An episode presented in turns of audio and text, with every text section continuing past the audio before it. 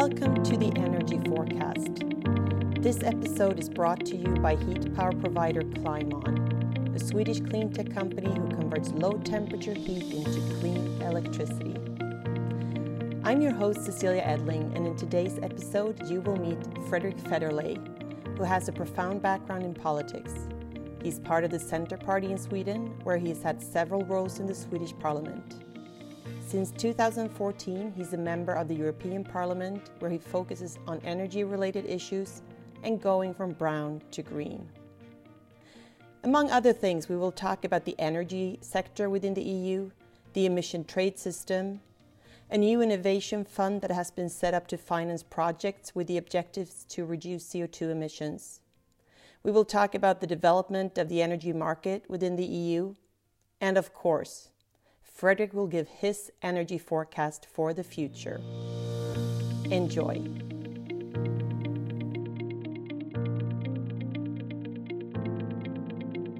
It is an honor and a privilege to have you here. Welcome to the Energy Forecast, Frederick Federley. Thank you so much. How would you describe yourself as a professional? I'm dedicated to uh, the transition to the low CO2 uh, society. Uh, I've been working on um, environment, climate, um, animal welfare, uh, fighting antimicrobial resistance now uh, these last four and a half years in the European Parliament. Uh, before that, I was mainly working on social security, pensions, and, and migration policies. So uh, I've been doing both this and that uh, on both local and national and European level for quite some time now. Um, trying, well, I, I try to be sincere and to uh, I gave myself a promise when I, uh, for the first time, got elected to national parliament that I wouldn't change uh, to to become this idea of a politician, because uh, I was convinced that people wanted me because I am who I am, uh, and I've been trying to stay true to that all through all the time in politics. I have a few people I know in politics who actually changed when they beca- became a member of the parliament because they they are more playing a role in politics than being themselves in politics. Mm. That is that is interesting in itself. Uh, from what I understand, you've been working a lot with the emissions trade system, uh, the ETS. Is is that correct? Yeah. Uh, so first of all, I, I worked on um, uh, the MSR, the, the, Price Stability Reserve. Uh, it's super technical, but basically if there is um, yeah, if there are too much allowances on the market in the ETS, ETS system, that basically means that the pr prices are going down, and we've had that problem for the whole uh, current period. Yeah. Uh, and in order to uh, tackle that, uh, in one part, the member states actually lifted uh, allowances out of the market to try to get the price up. Uh, that didn't really work. well, it, it, gave some effect, but the price was still very, very low. Uh, then we uh, decided to have an, an addition to the ETS where we have the uh, price stability reserve, where we actually have a, a mechanism now in place called, uh, that it comes to effect actually uh, 2019.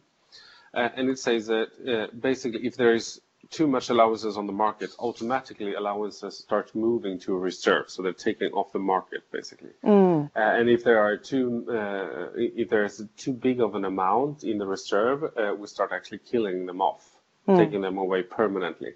Mm. Uh, and that has given an effect uh, already on the price, uh, even though it hasn't come into effect yet, because the market has realized this is what's going to happen. Um, secondly, I worked on the main regulation for the new ETS uh, period 2021 to 2030. Um, yeah, for those yeah, who so don't know what an ETS is, could you describe that?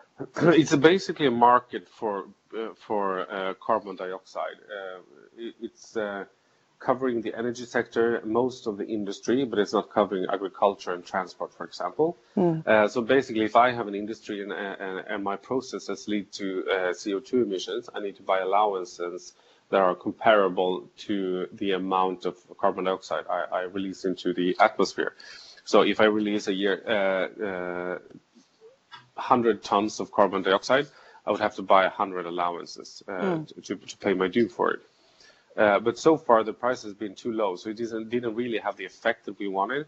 Uh, and the effect that you're out to get is basically that it will be expensive enough uh, to emit carbon dioxide so that, you actually push innovation forward. It will be more beneficial. It should, in the ideal situation, it will be more beneficial to actually improve your processes to decrease carbon dioxide than to actually pay the allowances. Oh, and I love, that's, I love the, effect we want. yeah, and it works very well for the energy sector. Um, yeah, so basically, uh, uh, all energy producing companies are very much in favor of a really high price on carbon dioxide. Yeah. Uh, but they also have an easier way of uh, immediately putting it on the electrical bill or, or, your energy bill out to the consumer. Where we do see some problems is for parts of the industry who are uh, at the edge of what um, uh, current technology and knowledge actually can do mm. to lower the CO2 emissions. Uh, and in order to uh, enhance like the, the leapfrog step to the new technology, Mm. Uh, that are still on the on the planning schedule, but there are no test facilities and uh, it's not put into actual work. Um, we have uh, put forward an innovation fund. In the mm. innovation fund, we've set aside uh, uh, a lot of allowances that are sold on the market, and the money, the revenues you get from that, uh, is used for um, these. what, what we call spearhead projects to try to reduce CO2. There's one project in Sweden that that we all had in mind, for example, uh, when we created this fund, and that's the HYBRIT project between LKAB, uh, mining company, uh, uh, Vattenfall, uh, energy producer, and SSAB, uh, um, also big industry. They are now trying to move away from using coal in the steel process and towards using hydrogen power instead. Yeah, yeah, I read about uh, that. Uh, hydrogen gas, hydrogen yeah. gas, as I say. Yes. Uh, and and that's a very interesting project because you, in order to produce really high quality steel, you need to be able to, on one thousandth of one degree Celsius, uh, control the heat. Yeah. And if you use alternative sources like a biomass, for example, the variation of energy within the biomass is so uh, the, the, variation is so big mm. that you actually can't guarantee the same quality of a bigger amount of steel. Mm. How far along what, is that project? Do you know? Uh, they're starting a test plant now. Uh, they, they, are drawing on it now. I think they should start the constructions. I think next year. Mm-hmm. And all of these kind of uh, spearhead uh, technology projects, they're just a cost for a company. There are yeah, no, no revenues on it. It's just yeah. a big risk and a big cost. Yeah. And in order to take away the, the toughest consequences of putting all that money into new projects, is uh, lifting uh, the, this innovation fund money. Yeah. But also so who can Swedish... apply if, if you were to describe who can apply to, to get funding from from well uh... ba basically any industry that wants to move towards a new technology which isn't already on the market yeah and what happens mm. uh, usually it's mu much more expensive well, the first guy or woman who invented the, the wheel probably uh, failed a few hundred times before it actually was a functioning wheel yeah uh, that is cost, that is money put into this uh, and a lot of time. And uh, the second one, who just copy pasted the idea, uh, uh, for that person it was much much cheaper. And basically mm. the same logic applies also to industrial processes.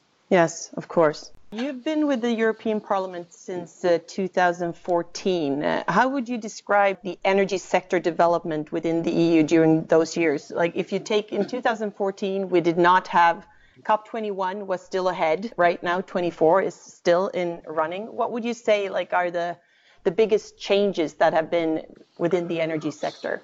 Well, well there have been massive changes because in addition to all of these um, environment and climate actions uh, uh, and the ETS uh, set up for the next mandate and so on, you also have um, the formation of the energy union. So basically, in the debate from the upcoming election in May, especially groups more more to the left of the political center will say it's too much market and too little uh, about the persons uh, when it comes to European affairs. Mm. Uh, that that is not really true because on many areas there is too little market on the energy sector, for example. So the Nord Pool area, uh, the Nordic countries and uh, um, and uh, the Baltic states are now included, have a functioning market to, to buy and sell electricity.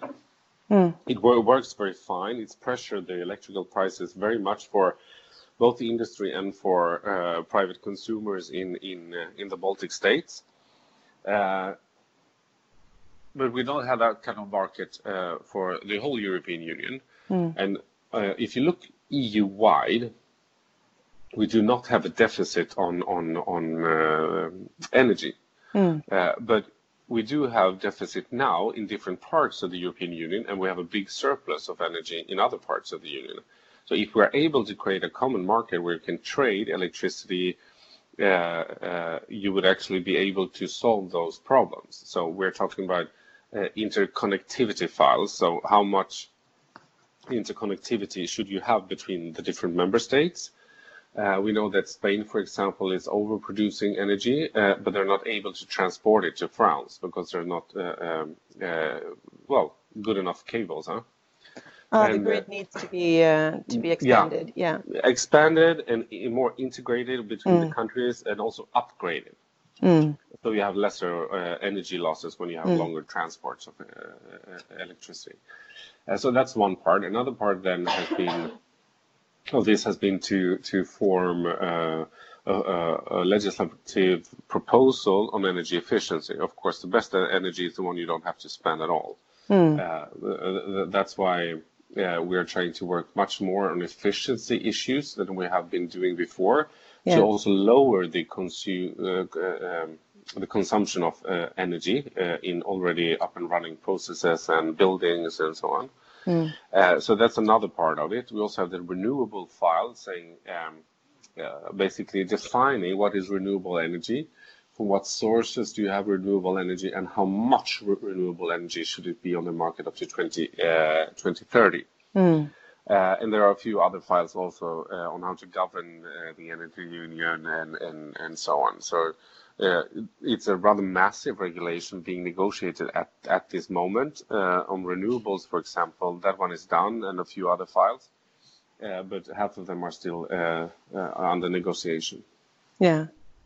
Yeah, you touched it a little bit, but I want to put it on an even higher level. Uh, with regards to the IPCC um, climate report that claims that we mm-hmm. need to stay below 1.5 degrees of global warming, uh, I saw uh, the press release from the EU in late November that in 2050, the EU shall be climate neutral. From your perspective, you've already touched on it a little bit, but what is needed to make that happen and what will be done and how? Well, I think that most of the the uh, legislative framework is in place now. Now we just need to upgrade it. So I think that uh, after the global stocktake, after the Paris Agreement, uh, which will be, um, I think it's 2022, I think the global stocktake is, we will have a review of the renewable energy package. We'll have a review on the ETS and a few other things to be able to tweak it in a more Um, ambitious way. So that that that will be the core of the next mandate. Now we set down the regulation, uh, then we need to upgrade it basically uh, in the next mandate.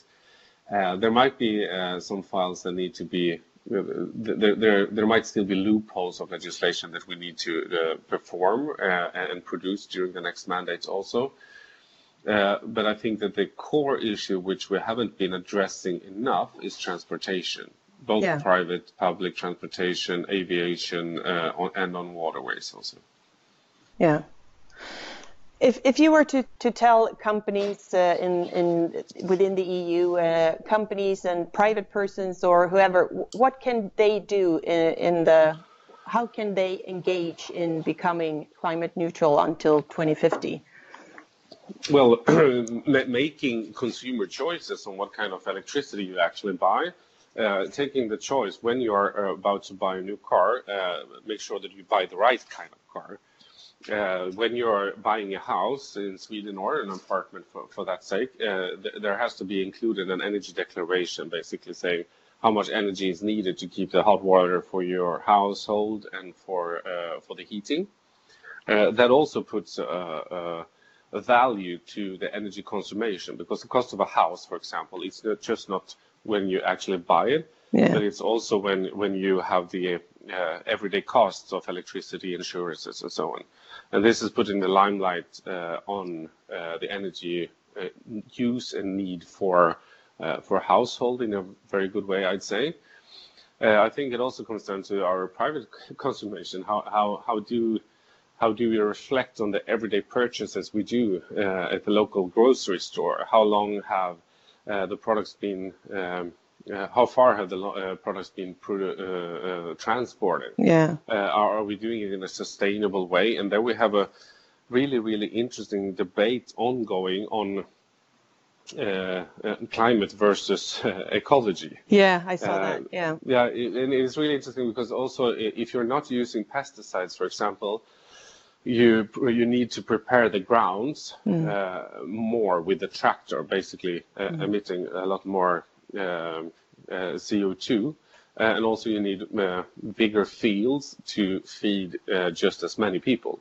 On the other hand, a more balanced diet between vegetarian products and animal products can also um, add on to a greener uh, uh, greener base for your own, or basically uh, how you affect the climate as a whole. Yeah. And if we look on the company side, if you're within a company or running a company, how how what can you do as a company to towards a more green future when it comes to energy? Well, basically not that strange. It's basically the same things, but also you probably have a bigger budget. Uh, yes uh, that can affect uh, much more in the long run. Hmm. Making sustainable purchases, being aware and taking um, enlightened decisions on where you buy your energy from, what means you use for transportation, and so on and so forth.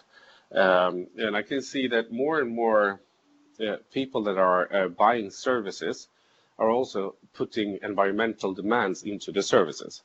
Yes. So uh, a company uh, that, of course, needs someone to take care of the daily cleaning of the offices, for example, are now not just saying that you need to be sustainable um, products for the cleaning, but also saying the transport when you get here also has to be sustainable. And that mm. is putting actually uh, pressure on uh, a lot of smaller companies to uh, make sure that they don't buy a fossil-run car, but they buy an electrical car or a hybrid car or a biogas car or something like that. Public transportation is transforming rather a lot. So buses nowadays go more and more on biogas, for example, mm. which is changing the the effects that also public transportation has on uh, on climate and environment. So there's a lot of things to do, and it basically comes down to being aware and taking uh, taking uh, decisions based on knowledge on what effect it actually has on climate and environment. Hmm. Oh, it's you have so much knowledge. It's really interesting to speak to you. But I have one last question that we ask every every participant. And uh, if you were to predict, from what I understand in the world today, uh, more than 70% of the energy used in the world comes from coal, oil and gas, and nuclear. Yeah. Uh, if you were to predict the future in 10, 20, 30 years, what do you think and what do you see before you? And you can talk for the EU. If you if you were to predict, what is your energy forecast for the energy mix in the future? I'm quite convinced that we will move towards uh, much more renewable resources. And there's there's also a market economy uh, rationale for that. And that is, um, I will take one clear example.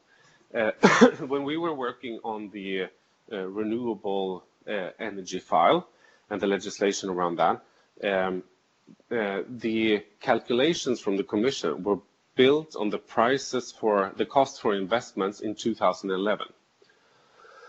We we just uh, we just finalized this uh, legislative act. That means that it has been um, seven years between the calculations and today. Yeah. So we asked for updated and new figures. They said, "Well, there's no need. Not much has happened." And it turns out a lot have happened. Yeah. Uh, so basically, uh, you get for the same amount invested, we could uh, raise the target of renewable energy from 27% to 32. Yeah. Some reports even say you can get for the same same buck, you get actually 35% renewable energy. We have, in the last two years, several times seen that solar energy is actually more financially viable than coal And that is a super important uh, point because then you actually start moving the money and the investments into renewable energy instead of coal. Mm. But what we do have to have, keep in mind is that the global uh, energy demand is increasing year by year by year, and most of that is actually covered by fossil fuel uh, uh, energy. So we are still a few years away from from the green boom in the energy sector, but it will come for sure at some point. I also think that we will work much more on hydrogen gas in the future. If we're able to produce a lot of sustainable electricity to keep the prices low uh, on, on, every kilowatt hour, uh, that means that we are uh, able uh, to use some of that electricity uh, to um, uh, basically kill water molecules with electricity, and you can produce uh, uh, then you get two uh, hydrogen gas molecules and you get one oxy oxygen. When you burn the hydrogen gas, you get the rest product water, clear mm. water, mm. clean water. But, but in order to have this process working, this, this could be viable in the future also for aviation, transports, industry processes for sure.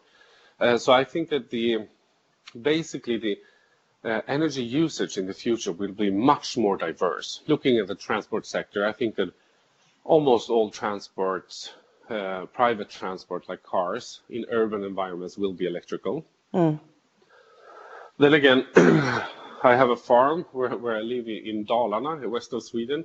Uh, it's super cold, long winters. Uh, we, we, are basically dependent. You know, there's a, just one example. There's 45 kilometers to the cinema.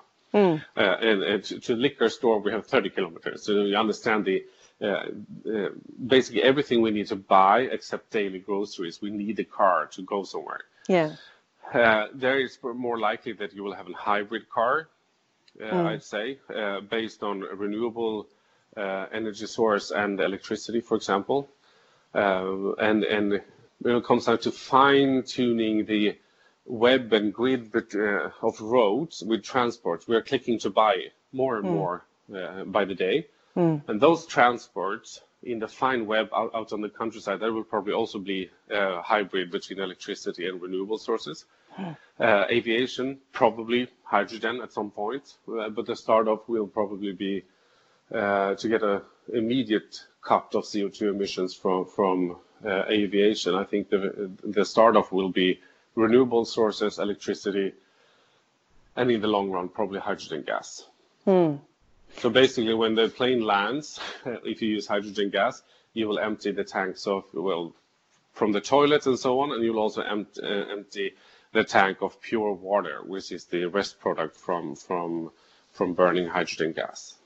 Yeah, that sounds that that sounds wonderful. I think. But do you do you look so if we look 20 years from now, do you think it will be 35% renewable, or will it be 50% renewable, or how far would you go if you were to? No? I, I, th- I think I think we're move well in the in the long run. At some point, uh, there will be uh, I'd say 100%. Yes. Uh, the question is how long will it take? Yeah. Uh, I I think we're underestimated the power of the change that we're seeing at the moment.